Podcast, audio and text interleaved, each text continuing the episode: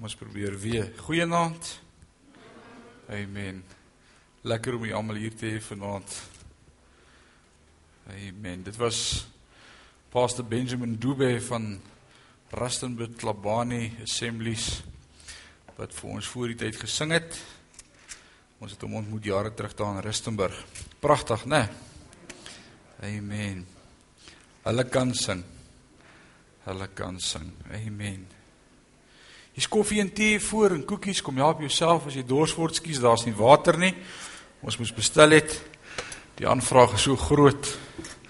Ons het vergeet om Adrie ons sal volgende week hê. Amen. Om Adrie hoor my. Amen. Kom ons sit net so ons bid saam. Hemelse Vader, dankie vir u woord. Dankie dat u met ons besig is. Dankie dat u met ons bemoeienis maak. Dankie dat u nie opgee nie. Dankie dat u woord wat vir soveel duisende jare al vas staan ook vanaand vir ons nuwe waarhede kan inhou en oplewer en dat dit vanaand ook ons lewe verander. Ons loof U daarvoor. Word verheerlik vanaand vir elkeen wat na jou huis gekom het vanaand. Mag ons iets ontvang om in hierdie week aan te kou en te herkou en mag dit ons lewe verander soos gebed in Jesus naam. Amen. Amen. Ons nou ja, ons is besig met die tabernakel. Nou al vir so 15 weke sal dit vanaand wees. En ek sien ons het nog so 4 oor dink ek. Dan is ons deur Exodus en uh dan gaan ons die volgende reeks doen wat verband hou met die tabernakel en dis gebed deur die tabernakel. Ons gaan vir so 6 weke 'n seminaar oor gebed doen, hoe om te bid. Ons gaan kyk na dit wat ons geleer het in die tabernakel, die simboliek, die meubelmente en hoe ons dit kan gebruik om vir ons gebedslewe uh te dissipline aan te leer. Hoe om te bid. Ek dink elkeen van ons wat regtig gedissiplineerd bid, weet dis moeilik om vir 'n uur te bid. Uh en ons gaan kyk hoe kan die tabernakel en die kennis wat ons opgedoen het sover die tabernakel uit ons help om te bid. En hoe kan ons dit gebruik om elke dag in ons gebedslewe te bid of ons in die kar ry of by die huis is? Dis 'n wonderlike reeks. Hy gaan ook in boekvorm beskikbaar wees. Ons is besig om sy vertaling klaar te maak met die laaste grafiese elemente en ons gaan hom laat druk en uh, jy gaan hom kan koop. So hy gaan beskikbaar ook wees Praying Through the Tabernacle of die gebedstog deur die tabernakel. Ons is vanaand nog in Eksodus 31. So kom ons blaai soontoe. Ons gaan vanaand die laaste versie van Eksodus 31 doen en dan gaan ons aangaan met Eksodus 32 vanaand. En hopelik maak ons dalk hoofstuk 32 klaar. Ons sal net sien. Ons sal net sien. Amen. As jy daar is, hoofstuk 31 vers 18. Ons is net na die gedeelte wat ons laasweek gesien het waar God ouens gesalf het om hierdie ornamente en meubelmente te begin maak, die spesifieke salwing wat hy op hulle lewe gesit het vir dit. En ons het gekyk na die die rus van die Sabbat wat God weer herbevestig met sy volk. Ons het bietjie oor die Sabbat gesels en vanaand gaan ons aan vers 18. En hy het aan Moses toe hy geëindig het met hom te, om om met hom te spreek op die berg Sinaï die twee tafels van die getuienis gegee. Tafels van klip beskrywe met die vinger van God. So God is op die berg Sinaï, hierdie hele gedeelte sien ons hoe hy vir Moses hierdie opdragte gee. Hy sê vir hom hoe moet dit lyk, hoe groot moet dit wees, wie moet dit maak, wat moet gebeur en heel op die einde gee hy vir hom die wet. Die kliptafels wat binne in die ark in die verbondsark gesit moet word as hy gebou is. So hierdie hele tog van 40 dae op die berg was die grootste gedeelte daarvan nie om oor die wet te gesels en om die wet te gee nie. Dit was sommer net o ja, voor jy loop van die wet saam. Ons maak baie keer van die wet meer as wat God dit intent het om te wees of wat sy intensie was. So kom ons gaan aan vers 1 van hoofstuk 32. Toe die volk sien dat Moses vertoef om van die berg af te kom, het die volk rondom Aaron versamel en vir hom gesê: "Kom, maak vir ons gode wat voor ons kan uittrek." Want hierdie Moses, hoor nou wat sê hulle, hierdie Moses, né? Die man wat ons uit Egipte land laat optrek het. Ons weet nie wat van hom geword het nie. Hierdie Moses, die man, nie ons leier of die gesalfde van die Here nie, sommer net hierdie Moses, die man, ons weet nie wat van hom geword het nie. Kan jy glo hulle praat so? Na die see, die Rooi See gekloof is, na hierdie tog daar uit, na dit wat al hulle beleef het en ervaar het, is dit nou die volk se gevolgtrekking. En nou Aaron sê vir hulle: "Hm, kom ek draai julle help. Ruk gou al die goue ringe af wat aan julle ore en van julle vroue, julle seuns en julle dogters is en bring dit vir my." Hy hou offerhande. hy gaan nou vir hulle help en hy vat net goud. Toe het die hele volk die goue ringe afgeruk wat aan die ore was en dit na Aaron gebring. Wat sê vers 4 en wat staan jou Bybel? En wie? En hy, Aaron, hy het dit uit hulle hand geneem en dit met die buitel bewerk en daar 'n gegote kalf van gemaak. Hy, Aaron, onthou dit? Ons gaan net nou weer hiervan lees. Daarop sê hulle: Dit is jou gode, o Israel, wat jou uit Egipte land laat optrek het. Toe Aaron dit sien, het hy daarvoor goue altaar gebou. Dit gaan aan. Hy bou 'n goue altaar vir hierdie goue koei, hierdie goue kalf. En Aaron het uitgeroep en gesê: "Môre is daar fees tot eer van die Here." En hulle het die ander dag vroeg klaar gemaak en brandoffers geoffer en dankoffers aangebring. Daarop het die volk gaan sit om te eet en te drink en hulle het opgestaan om te speel. Moses, een van die beste leiers vir God se volk. God roep hom by sy naam. God het 'n plan met hom. Hy's geroep om vir Israel vir 40 jaar lank in die woestyn te laat reis is net een van sewe leiers in die Bybel van wie die woord ooit sê 'n man van God. Only 7. Dis 'n limited title. Daar's nie baie wat dit kan sê nie. Moses is een van hulle. Hy het die eerste gesang in die Bybel geskryf. Wie weet waar staan dit? Gesang in die eerste gesang wat hy geskryf het was Eksodus 15. Hy het ook die laaste gesang in die Bybel geskryf. Wie weet waar staan dit? Openbaring 15. Moses. Awesome ou. 'n Skitterende leier. Hy het God liefgehad. En watter taak het God nie vir hom gehad nie? Hy's 40 dae lank op die berg Sinaï besig om die opdragte vir die tempel te kry vir die volk en Hulle sit en wonder wat van hom geword het. Dis die prentjie se agtergrond. En nou kom hulle by Aaron en hulle sê vir hom Aaron, Aaron, jy's ons man. As jy nie kan nie, wie sal kan? En hy love it. Hy voel gevlei daardeur. En tog in 'n mate dink ek hy was bang geweest vir die mense. Hy was in 'n mate 'n people's pleaser. Hy wou hierdie ouens om hom gelukkig hou. Hy is daarom die 2IC van die volk. En Moses is nie hier nie en Aaron is alleen en hierdie ouens sit om 'n sirkel kom maak. En hy sê, mm, "Kom ek maak 'n plan vir julle. Ek ek sien julle probleem."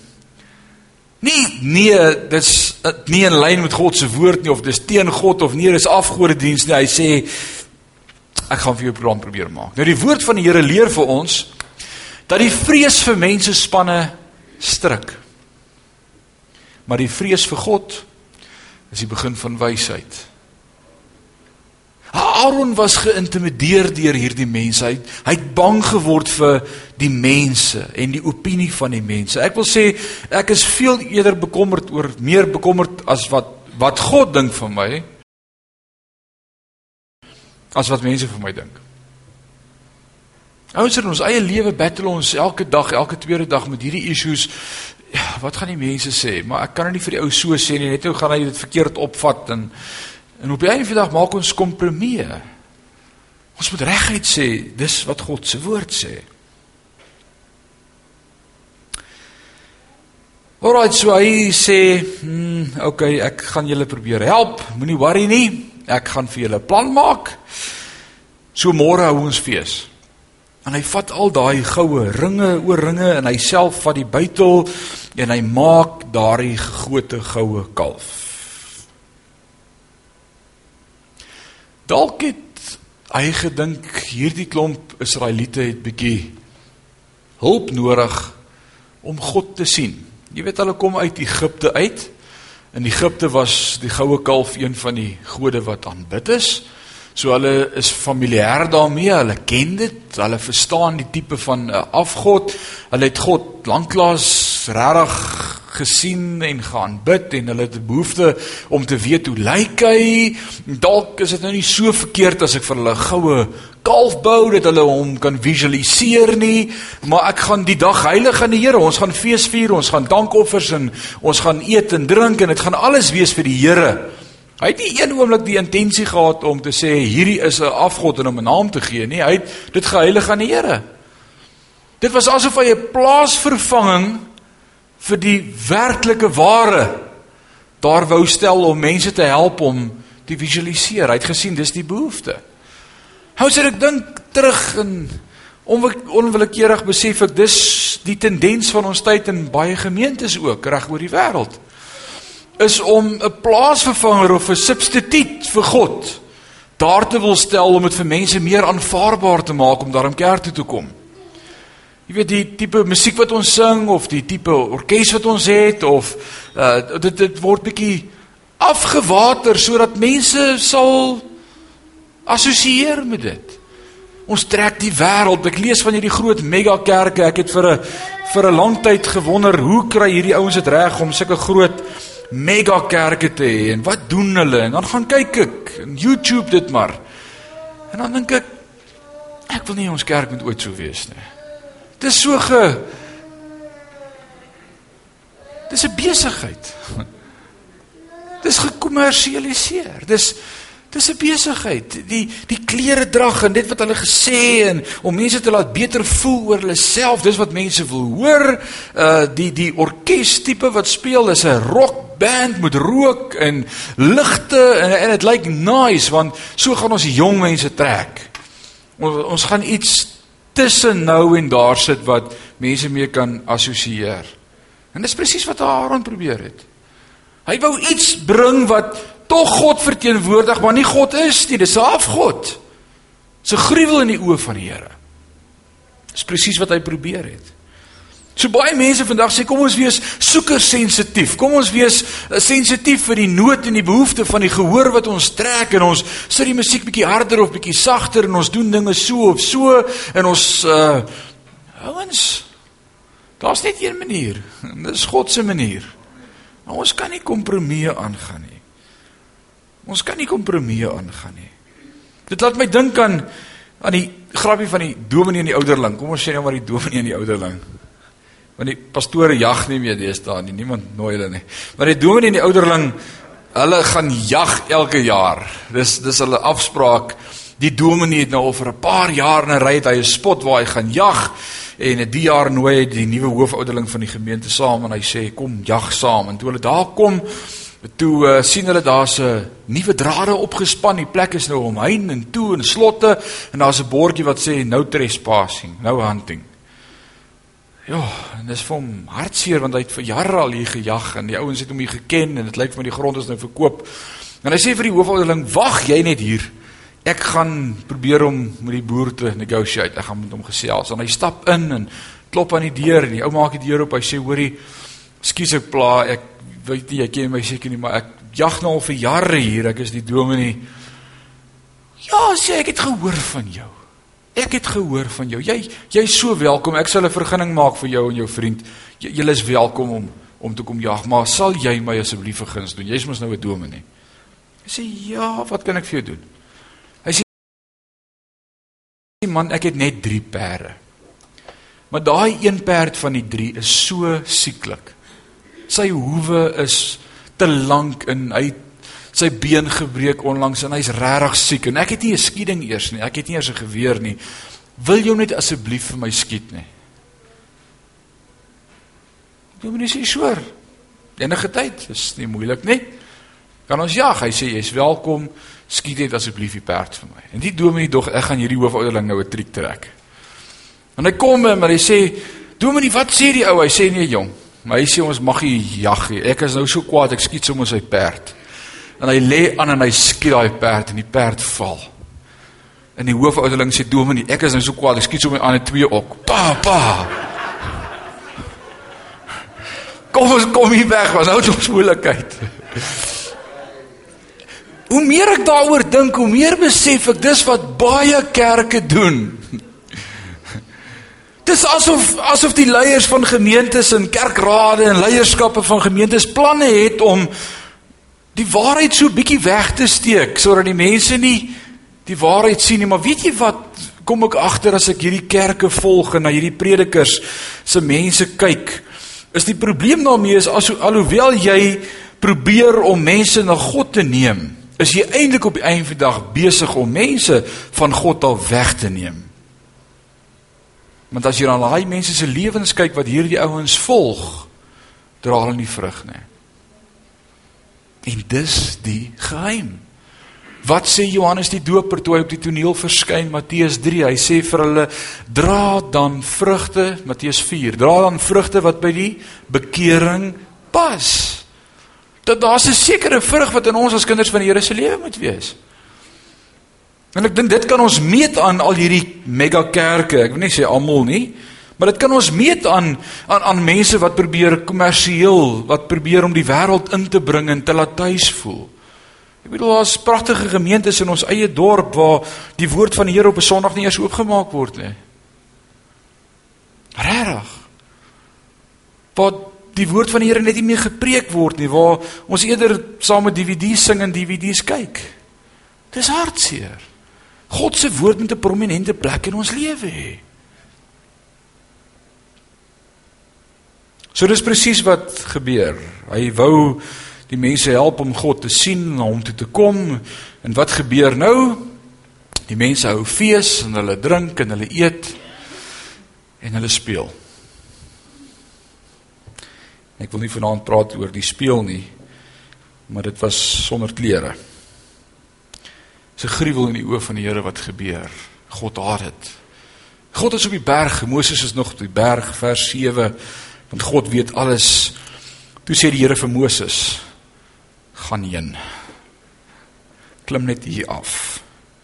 Want jou volk wat jy uit Egipte laat optrek het, het verderflik gehandel." Hoor wat sê God vir Moses? Gaan net hier af, klim net hier af want jou volk wat jy uit Egipte hier aangebring het, het nou sonde gedoen. My volk. Ek God toets Moses se hart. Hoor wat sê vers 8. En hulle het gou van die weg afgewyk wat ek hulle beveel het. Hulle het vir hulle gegote kalf gemaak en daarvoor neergebuig en daaraan geoffer en gesê: "Dit is jou gode o Israel wat jy Egipte land laat optrek het." Verder die Here vir Moses gesê: "Ek het hierdie volk gesien en kyk, dit is 'n hardnekkige volk." Ken jy hardnekkige mense? Laat my dan nou begaan dat my toorn teen hulle ontvlam en ek hulle verteer. Ek gaan hulle uitwis, ek gaan hulle doodmaak. Dis 'n gruwel in my oë. Ek skla met hulle. Kom ons tref hulle met die ban. Dan sal ek jou tot 'n groot nasie maak, Moses. Wow, wat 'n versoeking. Sê net weer, wat wat wil u doen? Wil u vir my 'n groot nageslag gee vir my? Dan sing ons nie meer Vader Abraham, het many sons, dan sit Oupa Moses het baie seuns. Dit sou die geskiedenis totaal en al verander het. Ek wonder of dit aanloklik gelyk het vir Moses vir 'n oomblik. Om te dink ons vee alles hierdie hardnekkige volk wat my net soveel grief gee hieronder. Kom ons wissel net uit en kom ons begin voor. Ek wonder of hy dit in sy hart gekry het om vir die Here te sê dit klink nou na 'n plan. Dit klink na 'n plan. Kom ons begin voor. Maar wat doen Moses? Hoe tree Moses op vers 11? Maar Moses het die Here sy God om genade gesmeek en gesê: Waarom o Here sou u toorn ontvlam teen u volk wat u met u groot hand en die sterke hand uit Egipte uitgelei het? Dit was nie ek nie. Sien my volk nie. Dis u volk en dit was u hand wat hulle uitgelei het. Herinner God aan die waarheid. Hy sê nee, nie vir 'n oomblik het ek gedink dis my volk nie. Ek wonder of hierdie eintlike toets was vir Moses. Moses kon maklik gesê het: "Sjoe, my volk. Hm, dit klink nice op my resume. Op my CV te kan skryf, my volk." Ja, Here, ek dink kom ons begin 'n nuwe volk. Ek dink ek is 'n baie beter bloedlyn as Abraham. Maar hy doen nie. Nie vir 'n oomblik kom die gedagte by hom op om daaraan te dink nie. God toets hom. En hoor wat sê hy? Vers 12 het ons gelees. Nee, ons het vers 11 gelees. Vers 12. Waarom sou u die Egiptenaars Waarom sou die Egiptenaars spreek en sê in kwaadwilligheid dat hy God hulle uitgelei om hulle in die berge om te bring en hulle van die aardbewing af te verdel, verdedig, vernietig? Wend u af van die gloed van die toren en laat dit u berou oor die onheil van die volk. Gedenk aan Abraham, Isak en Israel, u knegte. Sien hy dop nie die toets nie. Hy sê nie ja, kom ons vergeet van Abraham, Isak en Jakob nie. Kom ons begin met Moses nie. Hy sê dink aan hulle. U knegte vir wie u by jouself gesweer en aan wie u gesê het ek sal julle nageslag vermenigvuldig soos die sterre van die hemel en hierdie hele land waarvan u gespreek het sal ek aan julle nageslagte gee dat hulle dit vir ewig kan beerwe dis u belofte gewees Wat is Moses besig om te doen? Hy's besig om vir die volk in te tree in gebed. Hy's besig om intersessie te doen. En hoe doen hy dit? Woord, woord, woord. Hy sê dit was u volk. Keer u toren, want dit was u belofte. Wow. Hierdie is 'n ware gebed. Ek dink dis hoe mens moet bid. Praat met God oor sy beloftes. Moenie dat jou eie ego in die pad kom. Sê Here, jy weet dinge loop nou nie skeef nie, maar ek dink u kan my dalk eerder gebruik as inspraak om hier 'n nuwe ding te bewerk. Nee.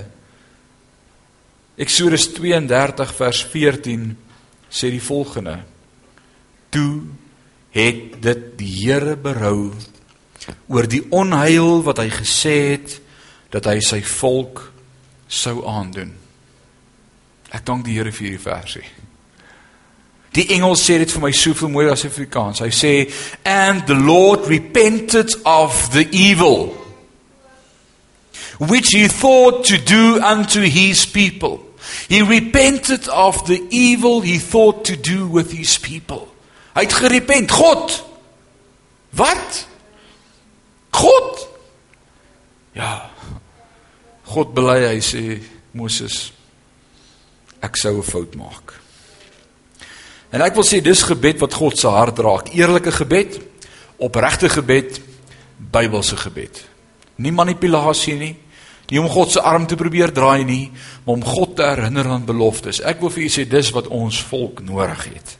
Die woord van die Here leer my in Efesiël 22 vers 13 die volgende: God sê, "En ek het onder hulle man gesoek wat 'n muur kan bou en voor my aangesig in die bres kan staan vir die land, sodat ek die land nie sou verwoes nie." God soek mense wat bid sodat God se planne en sy gedagtes vir ons van woede nie realiseer nie. God wil dit nie laat gebeur nie. En hy sê in Jesegiel 22, ek het 'n man gesoek wat kon staan, maar ek het niemand gevind nie. Daarom het ek my toorn uitgegiet. Deur die vuur van my grimmigheid het ek hulle verteer. hulle wandel het ek op hulle hoof laat neerkom, spreek die Here, Here. Dis ongelooflik. God sê as daar net iemand is wat bereid is om te bid. Ons is so geneig om net terug te sit en sê, "Ag, oh, wel, wat moet gebeur sal gebeur." Nee, dit hoef nie so te wees nie. God sê dit self vir ons uit sy mond uit in Jesegiel 20, 22 vers 30 en 31. Hy sê ek soek vir mense wat opstaan en bid en sê, "Here, spaar Parys. Here, spaar ons huwelike. Here, red ons kinders se siele. Here, help ons dorp. Here, bring herlewing in ons kerke." God sê ek soek mense wat bid maar daar was niemand nie. En toe laat ek dit mag gebeur. Ouens, ek en jy kan 'n aandeel hê om God se arm in beweging te bring in Parys. Ek het dit weer besef toe ek stil word hieroor. God soek mense wat opreg bid soos Moses. God sê vir Moses, "Man, is jou volk wat jy ingebring het, ek is klaar met hulle, ek gaan hulle doodmaak." En Moses begin pleit by God en hy sê dit was u volk. Dit was u doring oor hulle. Dis u belofte oor hulle. U kan dit nie doen nie. En God kyk na hom en hy sê: Ek het berou oor die onheil wat ek gesê het ek hulle sou aandoen. Dis reg Moses, ek sal hulle spaar. Hoor wat sê vers 15. En Moses het omgedraai van die berge afgeklim met die twee tafels van die getuienis in sy hand tafels wat op al twee kante besny was, beskrywe was. Hulle was op die een en op die ander kant beskrywe. En die tafels was die werk van God. Die skrif was ook die skrif van God in die tafels gegraveer. En toe Joshua die stem van die volk hoor hoe hulle juig, en waar was Joshua gewees? Hy was saam met Moses vir 40 dae daar bo op die berg Hy het hom vergesel, hy was saam met hierdie dinge saam beleef. En toe hulle afkom en Josua hoor die stem van die volk, hoe hulle juig sê aan Moses: "Daar is oorlogsgeraas in die laar." Dit klink soos 'n oorlog wat aan die gang is. Maar Moses het mos geweet wat regtig aan die gang is. En Moses antwoord: "Dis nie die geluid van die wat sing van oorwinning nie." Dit is ook nie die geluid van die wat sing van neerlaag nie. Ek hoor die geluid van beurtsang. En toe hy naby die laar kom en die kalf en die koordanse sien, het die toring van Moses ontvlam en hy het die tafels uit sy hande gegooi en hulle onder die berg verbrysel en hy het die goue kalf geneem wat hulle gemaak het en dit in die vuur verbrand en dit fyn gemaal. Toe het hy dit op die water uitgestrooi en die kinders van Israel dit laat drink. Hierdie ou het nou vir hom gestrip. Hy het nou genoeg gehad. En toe ek dit lees, toe voel ek nie meer so sleg dat ek dit baie keer met my kinders doen nie. Ek maak vir hulle daai goed eet. Jy sal hier sit en jou kos slaai eet. Moses kom van die berg af en hy raak so kwaad vir wat hy sien. Hy vat daai goue kalf en hy smelt hom en hy maak dit poeier en hy gooi dit op die water en hy sê julle sal vir dit drink. Julle wou dit gehad het. Dis leierskap. Dis leierskap. Ouens, hoor wat sê vers 21. En Moses het vir Aaron gesê, "Wat het hierdie volk jou gedoen dat jy so groot sonde oor hulle gebring het, Aaron?" Wat het jy gedoen? Toe antwoord Aaron. Hoor nou wat sê hy. Laat die toring van my Heer nie ontvlam nie. U self ken hierdie volk dat hulle deur en deur sleg is. Hierdie volk is gemors. Wie se skuld is dit nou? Die volk se. Hulle het dan aan my gesê, Maak vir ons gode wat vir ons uit kan trek, want hierdie Moses, die man wat uit Egipte laat op laat optrek het, ons weet nie wat van hom geword het nie. Daarop het ek hulle geantwoord: Wie goud het, laat die dit afruk. En hulle het dit aan my gegee. En ek het dit in die vuur gegooi en hierdie kalf het daar uitgespring. As ek nou al 'n storie gehoor het, is hierdie 'n storie, dit van die koek. Dis mos nie die waarheid nie. Ons het in vers 4 geleer hy het hierdie goue kalf met sy hande sit en maak. Ek dink hy het nog 'n paar blaase aan sy hande as evidence dat hy die ding gedoen het. En hy sê nee, nee, nee, ek het net hierdie goud in die vuur gegooi en toe spring hierdie kalf uit en dan moet dit van die Here wees. Wat? Ek wil die volgende sê as daar vrees is vir mense, sal daar altyd 'n verdraaiing van die waarheid wees. As Aaron regtig God meer gevrees het as mense, het hy net daar bely en gesê Moses, ek het groot fout gemaak. Maar Moses, ag Aaron is nog steeds meer bevrees oor wat die mense gaan sê. Nou gee hy vir hulle die skuld en dan gee hy vir die vuur die skuld. Dit was nou die vuur gewees. Vers 25. Toe Moses sien dat die volk bandeloos was. Nou dis wat gebeur het was Aaron want Aaron het hulle bandeloos laat word tot leedvermaak onder hulle teestanders. Ons gaan nie vanaand daaroor praat nie, maar Aaron het 'n aandeel hierin gehad. Het Moses in die poort van die laar gaan staan en gesê: "Wie vir die Here is, kom na my toe." Toe het al die seuns van Levi by hom versamel. Dit baie interessant as ons bietjie gaan terugkyk en ek gaan nie vanaand daaroor gesels nie. En ons sou terugkyk na die geskiedenis van Levi in die verlede. Het Levi met sonde betrokke gewees in die verlede met losbandigheid. En God het daarmee gedeel. Soveel sodat God se plan was en ons gaan dit nou sien dat God se plan was vir die vir die uh profete wat by die tempel diens doen dat hy die oudste sal wees van elke stam, verteenwoordiging van al 12 stamme van Israel. Dit was God se eerste intensie gewees. Maar nou vra Moses, wie's bereid om op te staan vir wat reg is? En skielik kom hierdie ouens, Leef, die Lewiete, kom by hom. En hulle sê hier is ons. En hy het met hulle gesê, so spreek die Here, die God van Israel. Laat elkeen sy swaard omgord aan sy heup gaan heen en weer van poort tot poort in die laar en laat elkeen sy broer en elkeen sy vriend en elkeen sy naaste doodmaak. En die seuns van Levi het gehandel volgens die woord van Moses en daar het vir die volk op die dag omtrent 3000 man geval. 3000 ouens sneuwel. Op watter dag het hierdie goed gebeur?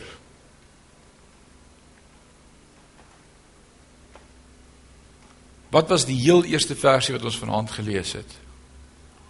Dit was die vorige vers van die vorige hoofstuk, die laaste vers. Wat het daai dag gebeur? God het vir Moses die wet gegee. Die dag wat God die wet gee, sterf 3000 mense in Israel. Wat het gebeur in Handelinge 2 toe God vir ons die Heilige Gees gestuur het. Hoeveel mense kom tot bekering? 3000. Ouens, die wet maak dood, maar die Heilige Gees maak lewend. It's beautiful. God soek mense wat nie bang is om die waarheid te sê en te doen nie, al maak dit seer. God soek ouens wat bereid is om 'n swaard uit te trek en te sê so sê die Here. En Leefie sê ons is daai ouens. Want ons weet as God 'n ding sê, dan is dit so. Ons speel die speletjies sê. Ons soek God. Interessant. Ons sal dit van daar af sien dat hoor wat sê vers 29. Toe het Moses gesê: "Vul vandag julle hand om te offer aan die Here, want elkeen is teen sy seun en teen sy broer, sodat hy vandag 'n seën oor julle kan gee." Moses seën die Lewiete. Hy seën hierdie Lewitiese volk. En ons weet dat van toe af staan die bedienaars van die tempel was die uitsluitlike funksie van die leviete. As gevolg van wat daardie dag gebeur het, Moses het gevra wie sal by my staan? En die leviete het kom sê ons sal. Ons gaan staan vir wat reg is. En Moses bless hulle daai dag en van toe af sien ons dat God net die leviete gebruik om dienste te doen in sy tempel. En Aaron was ook uit die Levitiese stam gewees. Interessant. Eksodus 32 vers 30. En die volgende dag het Moses aan die volk gesê: "Julle het 'n groot sonde begaan." Maar nou sal ek na die Here opklim. Miskien kan ek vir julle sonde verzoening gaan doen. Miskien kan ek 'n tydelike deksel daarop gaan sit. God vergeet nie, maar ek gaan traai dat hy dit uitstel. Vers 31. En Moses het na die Here teruggegaan en gesê: "Ag, hierdie volk het 'n groot sonde begaan en vir hulle goue gode gemaak." Ek sien hier iets pragtig in hierdie versie. As jy repent, noem jou sonde by sy naam. Dis so pragtig. So baie ouens kom by die Here dan hoor ek hulle bid dan sê hulle ag Here al ons ou sondes wat ons vandag gedoen het vergewe ons en bla bla bla. God is nie geïnteresseerd daarvoor. Hy sê as jy jou sonde bely is ek getrou en regverdig om jou te vergewe en daaraan nooit weer te dink nie. Noem jou sonde by die naam. God ken jou hart. En dis juist waaroor sondebelydenis gaan. God wil kyk of jy in jou hart regtig berou het oor daai sonde en of jy wil maar net kom om 'n deksel op te sit en sê ag Here, vergewe my nou maar. Jy weet ek is 'n ou sondige mens, maar dankie vir u genade. Dis vir my genoeg. Naamswil. Amen. Dit impres God, nee. God is 'n genadige God, maar hy wil hê dat ons spesifiek die sonde op die naam moet noem. Vers 32. Nou dan. As jy tog maar hulle sonde wou vergewe en so nie telg my dan uit die boek wat u geskryf het.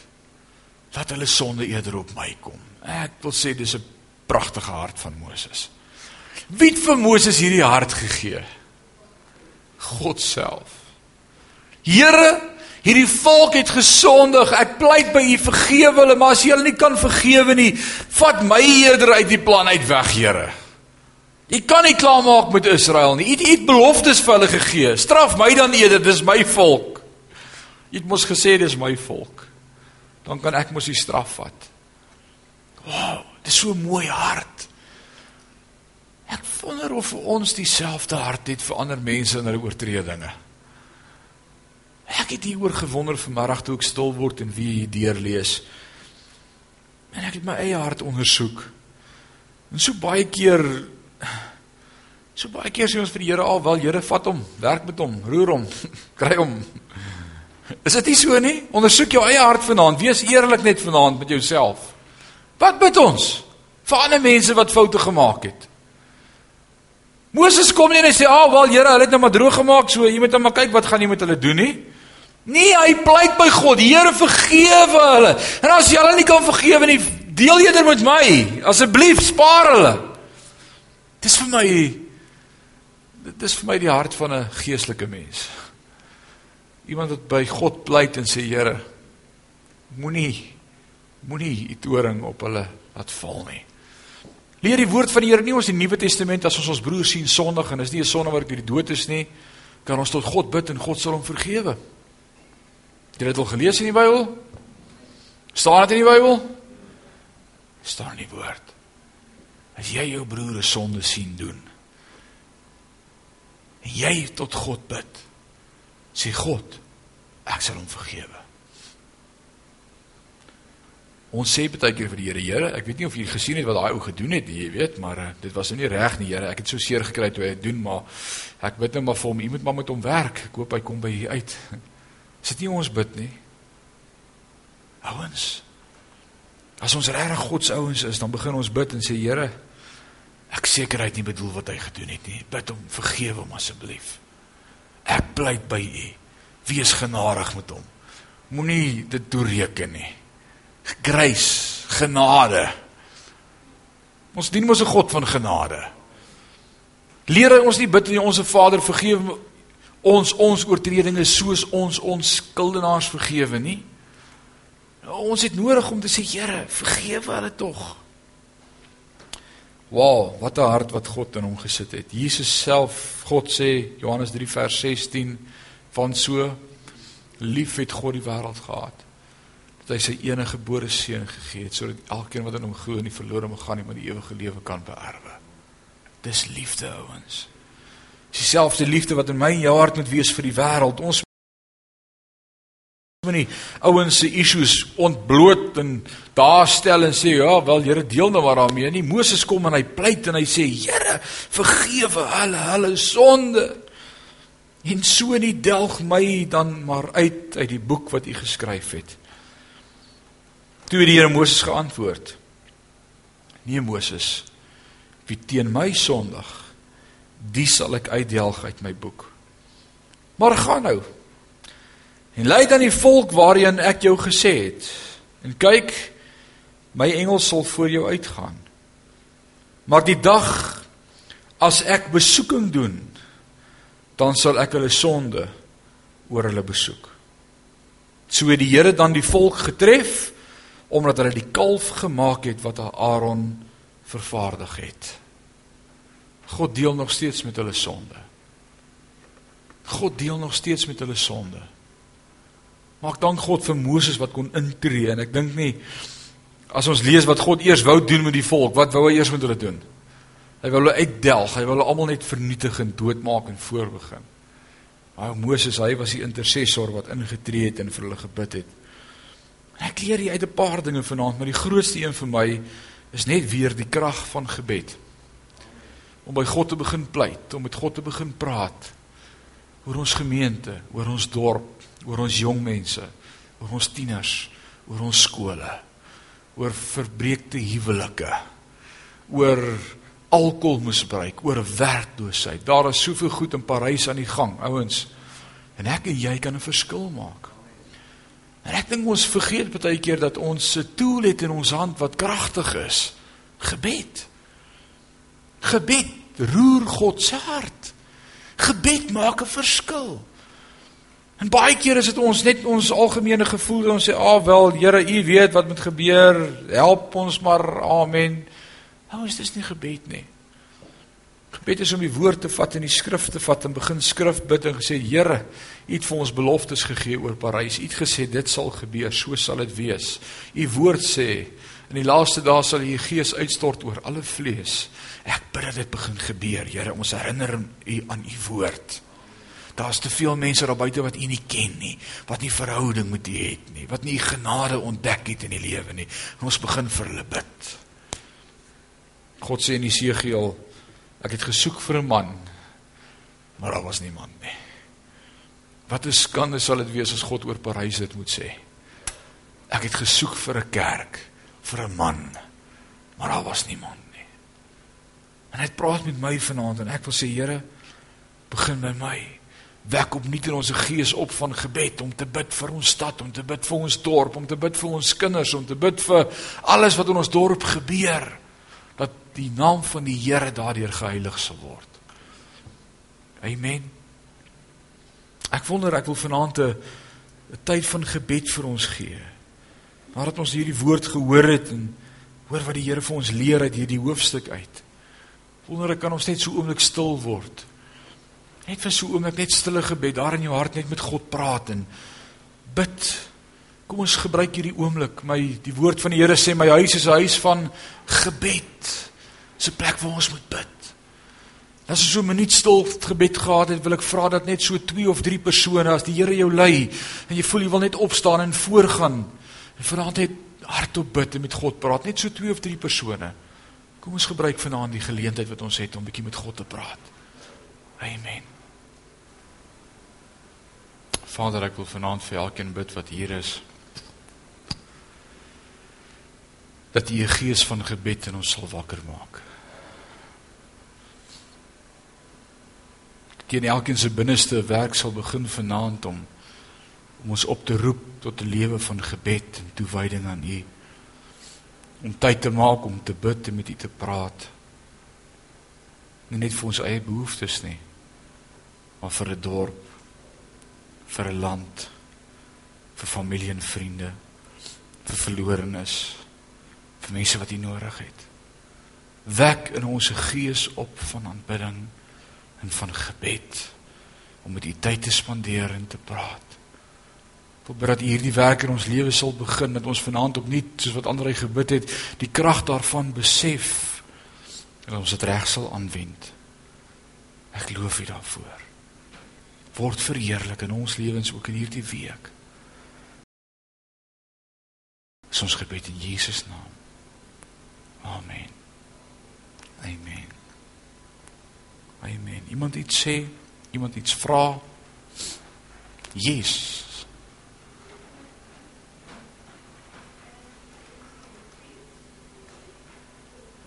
Repent.